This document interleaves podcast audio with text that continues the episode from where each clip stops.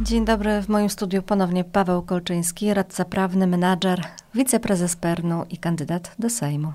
Dzień dobry pani redaktor, witam ponownie państwa.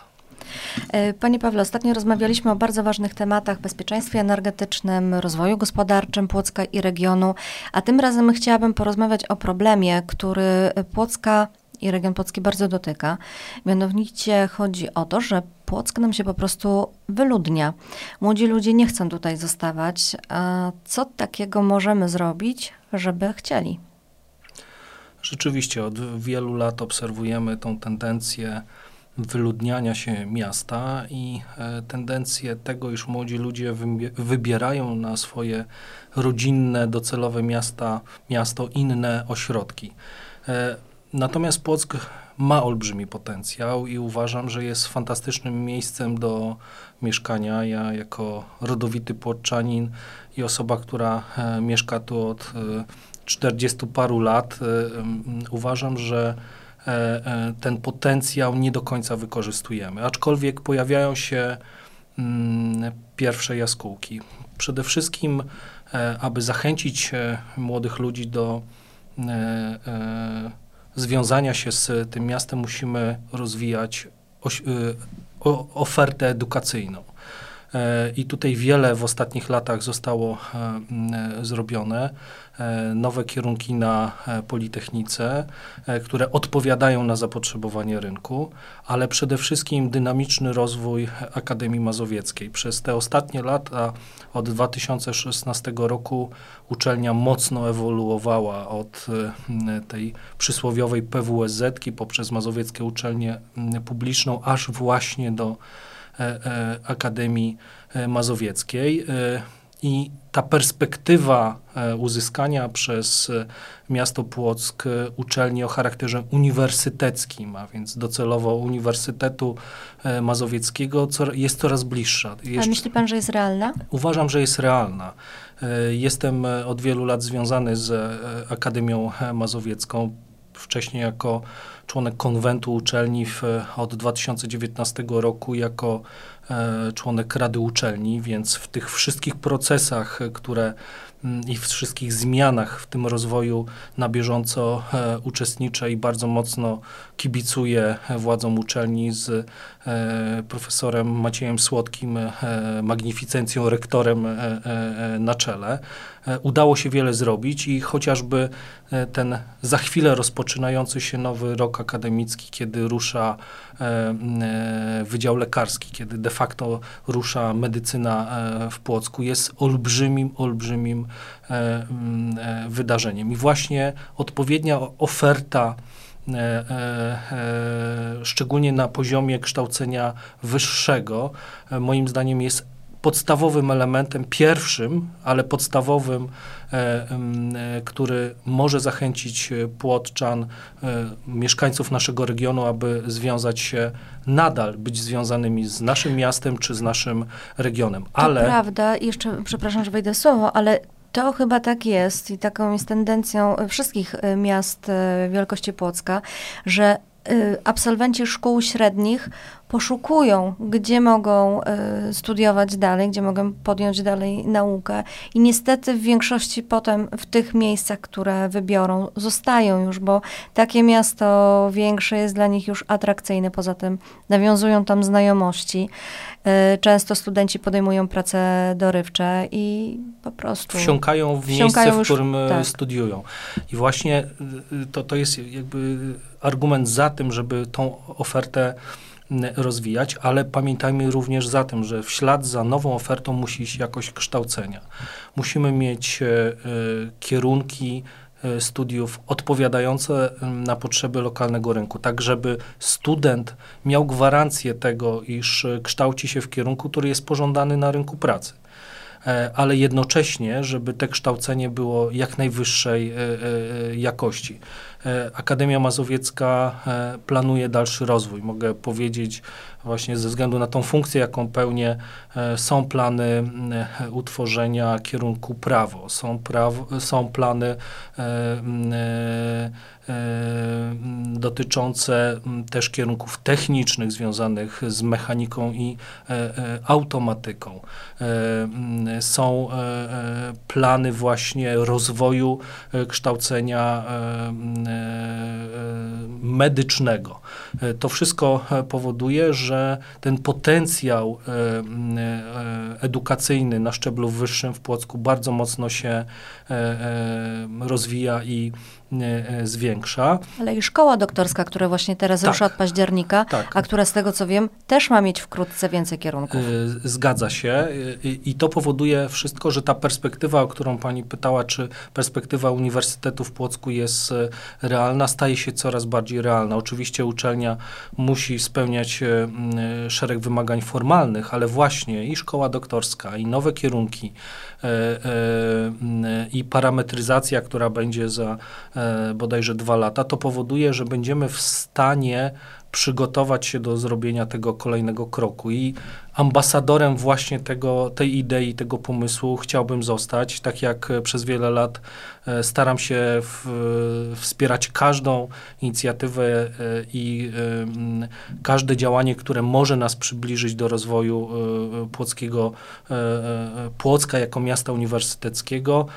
Również z perspektywy parlamentu chciałbym, chciałbym taką ideę wspierać. Pamiętajmy, że aby utworzyć e, e, uniwersytet, uniwersytet, zresztą tak jak e, tworząc Akademię Mazowiecką, potrzebna jest stosowna ustawa. Jeżeli będziemy mieli odpowiednich ambasadorów, osoby, które w parlamencie tą ideę będą wspierały, ten pomysł ma szansę się zmaterializować. Ale pani redaktor pytając o to, co zrobić, żeby młodzi ludzie mm, e, nie uciekali, czy pozostawali w tym mieście, wspomnieliśmy, że to jest tylko pierwszy krok. Ta oświata jest oświata czy szkolnictwo wyższe jest pierwszym krokiem. Drugim krokiem jest e, rozwój gospodarczy miasta i regionu. Jeżeli będziemy w stanie zaoferować młodym ludziom atrakcyjne miejsca pracy, jeżeli pozyskamy inwestorów, którzy będą w stanie zaoferować atrakcyjne warunki zatrudnienia, to te osoby, ci młodzi ludzie w tym mieście zostaną.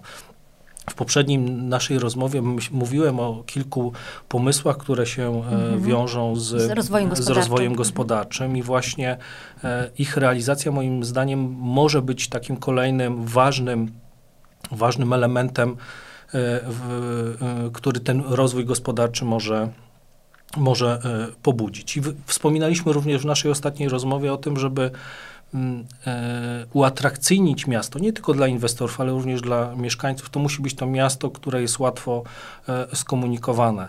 Miasto, z którego łatwo będzie nam e, dojechać i do Warszawy, i, ale miasto, które będzie miało szybką, bezpieczną kolej łączącą nas z każdym miejscem w Polsce, ale co do tego, co więcej, miasto, które będzie połączone odpowiednim układem komunikacji e, e, drogowej. Spełnienie tych trzech elementów, czyli po pierwsze e, odpowiednie szkolnictwo wyższe, nowoczesne szkolnictwo wyższe, po drugie mm, praca. po drugie praca de facto, prawda?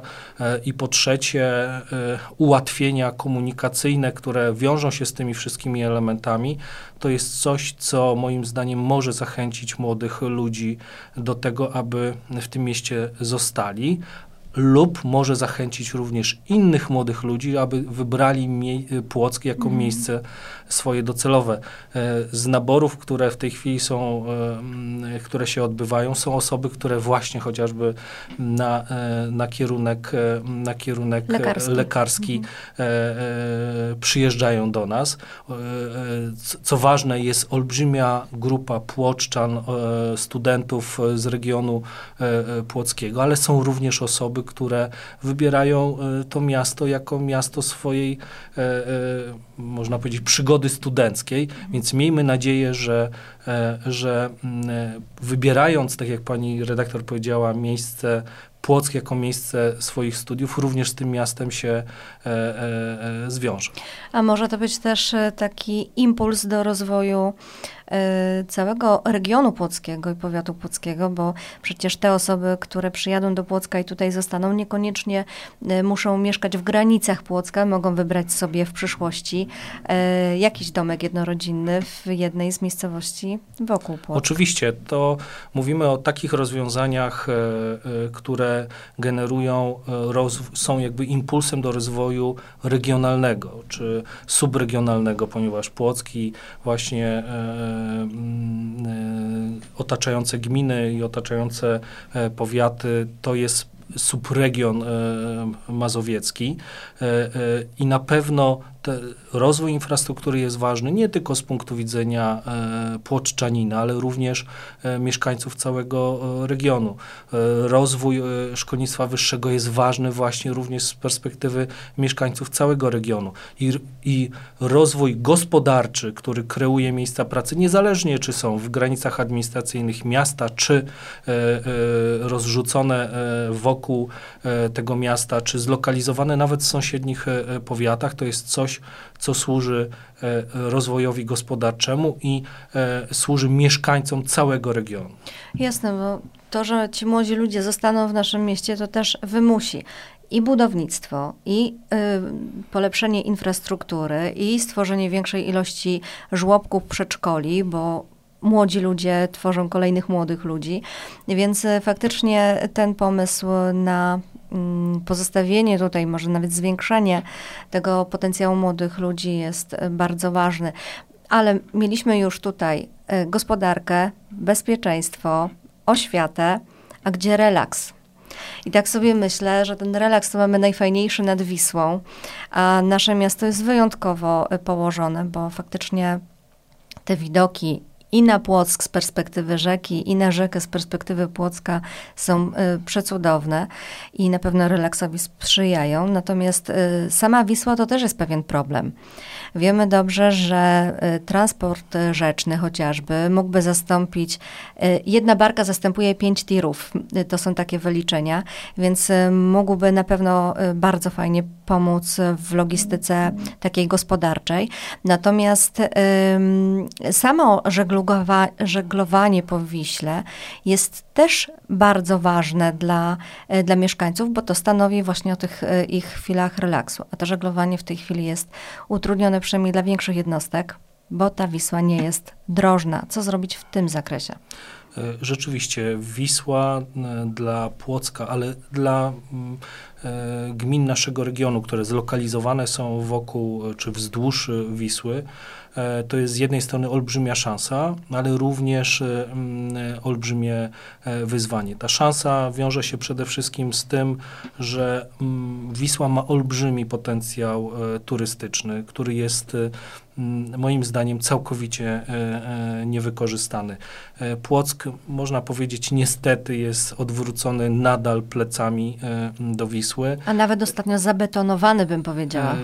Nie korzystamy, nie korzystamy z potencjału, jaki Wisła daje a to jest kolejny obszar, który mógłby stanowić bardzo istotny impuls rozwoju gospodarczego dla całego regionu, nie tylko, nie tylko miasta. Więc ta szansa, która się tutaj rysuje, to rzeczywiście E, postawienie na e, rozwój turystyki, e, powiedzmy, wiślanej, która może mieć najróżniejszą postać, od, poczynając od całej rekreacji związanej z sportami wodnymi, rozwoju infrastruktury, która mogłaby również tym sportom służyć. Wyobraźmy sobie, że poza Płockiem w najbliższej okolicy nie mamy też prawdziwych marin, prawda? E, e, wydaje się bardzo dobrym pomysłem e, utworzenie szeregu punktów, w których osoby, które chcą korzystać e, ze sportów wodnych, chcą e, wykorzystać e, Wisłę jako akwen, na którym chcą pływać, E, miałyby możliwość skorzystania z tego w Czerwińsku, w e, Wyszogrodzie, w Kępie Polskiej, e, na Białobrzegach, czyli na terenie gminy Bodzanów, czy spoglądając znowu na drugą stronę Wisły w miejscowościach, które w gminach znajdują się po drugiej stronie. Wydaje mi się, że jest olbrzymi potencjał do tego, aby na tą turystykę bardzo mocno postawić i E, e, rozwijać te całe zaplecze turystyczne, które mogłoby być połączone e, z mm, ścieżkami rowerowymi biegnącymi wzdłuż, wzdłuż Wisły. Oczywiście takie, taka, taka infrastruktura istnieje, ale ona jest mm, niejednolita, nie, niejednolita mhm. i nie, nie połączona. Połączenie, nie wiem, transportu wodnego, coś na kształt tramwaju wodnego łączącego Płock e, e, z Czerwińskiem, może kiedyś w przyszłości e, z Warszawą, tak jak w latach świetności, kiedy po Wiśle pływał przez wszystkich wspominany Traugut.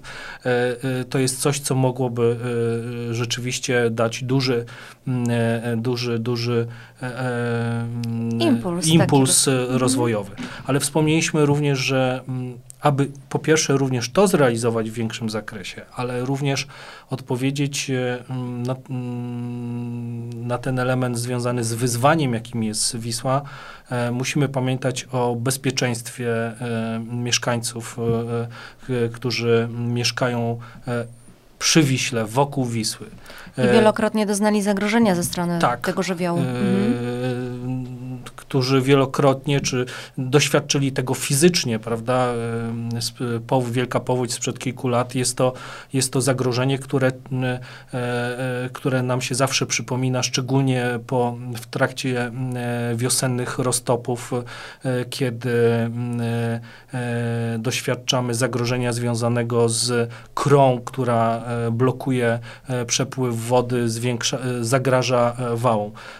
Tutaj pojawia się kwestia rzeczywiście bagrowania i e, pogłębiania Wisły. E, e, to, jest, e, to są działania, które na pewno należy przyspieszyć i które należy e, w sposób zdecydowany e, rozszerzyć. Są w toku projekty, które mają to umożliwić, natomiast wydaje mi się, że właśnie z perspektywy parlamentu warto by było pochylić się nad specjalną regulacją, nad specustawą, która umożliwiłaby łatwiejsze zabezpieczenie e, e, Wisły czy mieszkańców przed zagrożeniami, które wiążą się z e, Wisłą i z tym, że corocznie transportowane są setki tysięcy ton e, e, rumoszu skalnego, piasku, który z południa naszego kraju trafia właśnie do nas, a konstrukcja tamy we Włocławku e, i zbiornik e, włocławski, który wiąże się z, ze zmniejszeniem e, szybkości przepływu wody, powoduje, że przed Płockiem ta, ta cała materia, która jest zostają. transportowana, osiada. Więc ale... postawienie na bezpieczeństwo e, poprzez przyspieszenie e, pro, e, procedur, które dotyczyłyby umożliwienia pogłębiania, bagrowania Wisły, oczywiście przy zachowaniu wymogów ochrony mhm. środowiska i ekologii, jest ważnym rozwiązaniem. Rozmawiam z osobami, które żyją Wisłą na co dzień, dla których Wisła jest bardzo, bardzo ważna. E, pojawiają się różne e, idee. Takim pomysłem, który być może warty byłby rozważenia, jest powołanie funduszu wiślanego, na którym byłyby gromadzone środki pochodzące z eksploatacji, z pogłębiania Wisły, z komercyjnego pogłębiania Wisły, oczywiście w, tym, w tych rygorach ochrony środowiska, o których mówiłem. W tej chwili musimy za pogłębianie Wisły Wisły płacić olbrzymie e, e, pieniądze, a przez dziesięciolecia, jak nie setki lat, e, piasek, który był wydobywany z Wisły, służył budownictwu.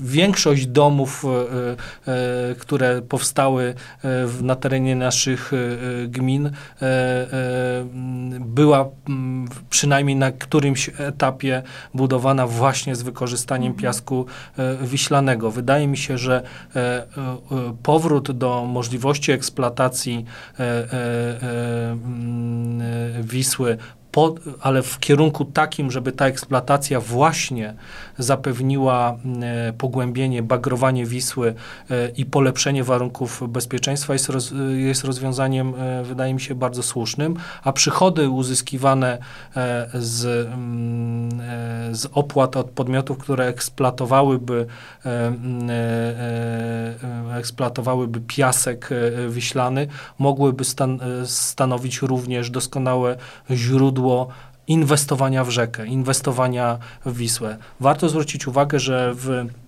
najnowszym ogłoszonym e, niedawno e, programie Prawa i Sprawiedliwości na kwestię wody postawiony jest bardzo mocny e, nacisk. Ta kwestia zabezpieczenia wody dla e, potrzeb rolnictwa, ale również e, e, zabezpieczenia e, e, e, systemu rzek pod względem transportowym, ale również pod względem retencji, e, retencji e, e, wody jest e, olbrzymim wyzwaniem. Mają być przeznaczane na to e, e, olbrzymie środki, bo niestety e, e, ten obszar bardzo dużo e, kosztuje, ale temat e, e, jest e, ważny e, z perspektywy e, całego naszego regionu i na pewno nie możemy o nim e, e, e, zapominać. Wisła jest, tak jak powiedzieliśmy, jest olbrzymią szansą, ale jest również e, wyzwaniem.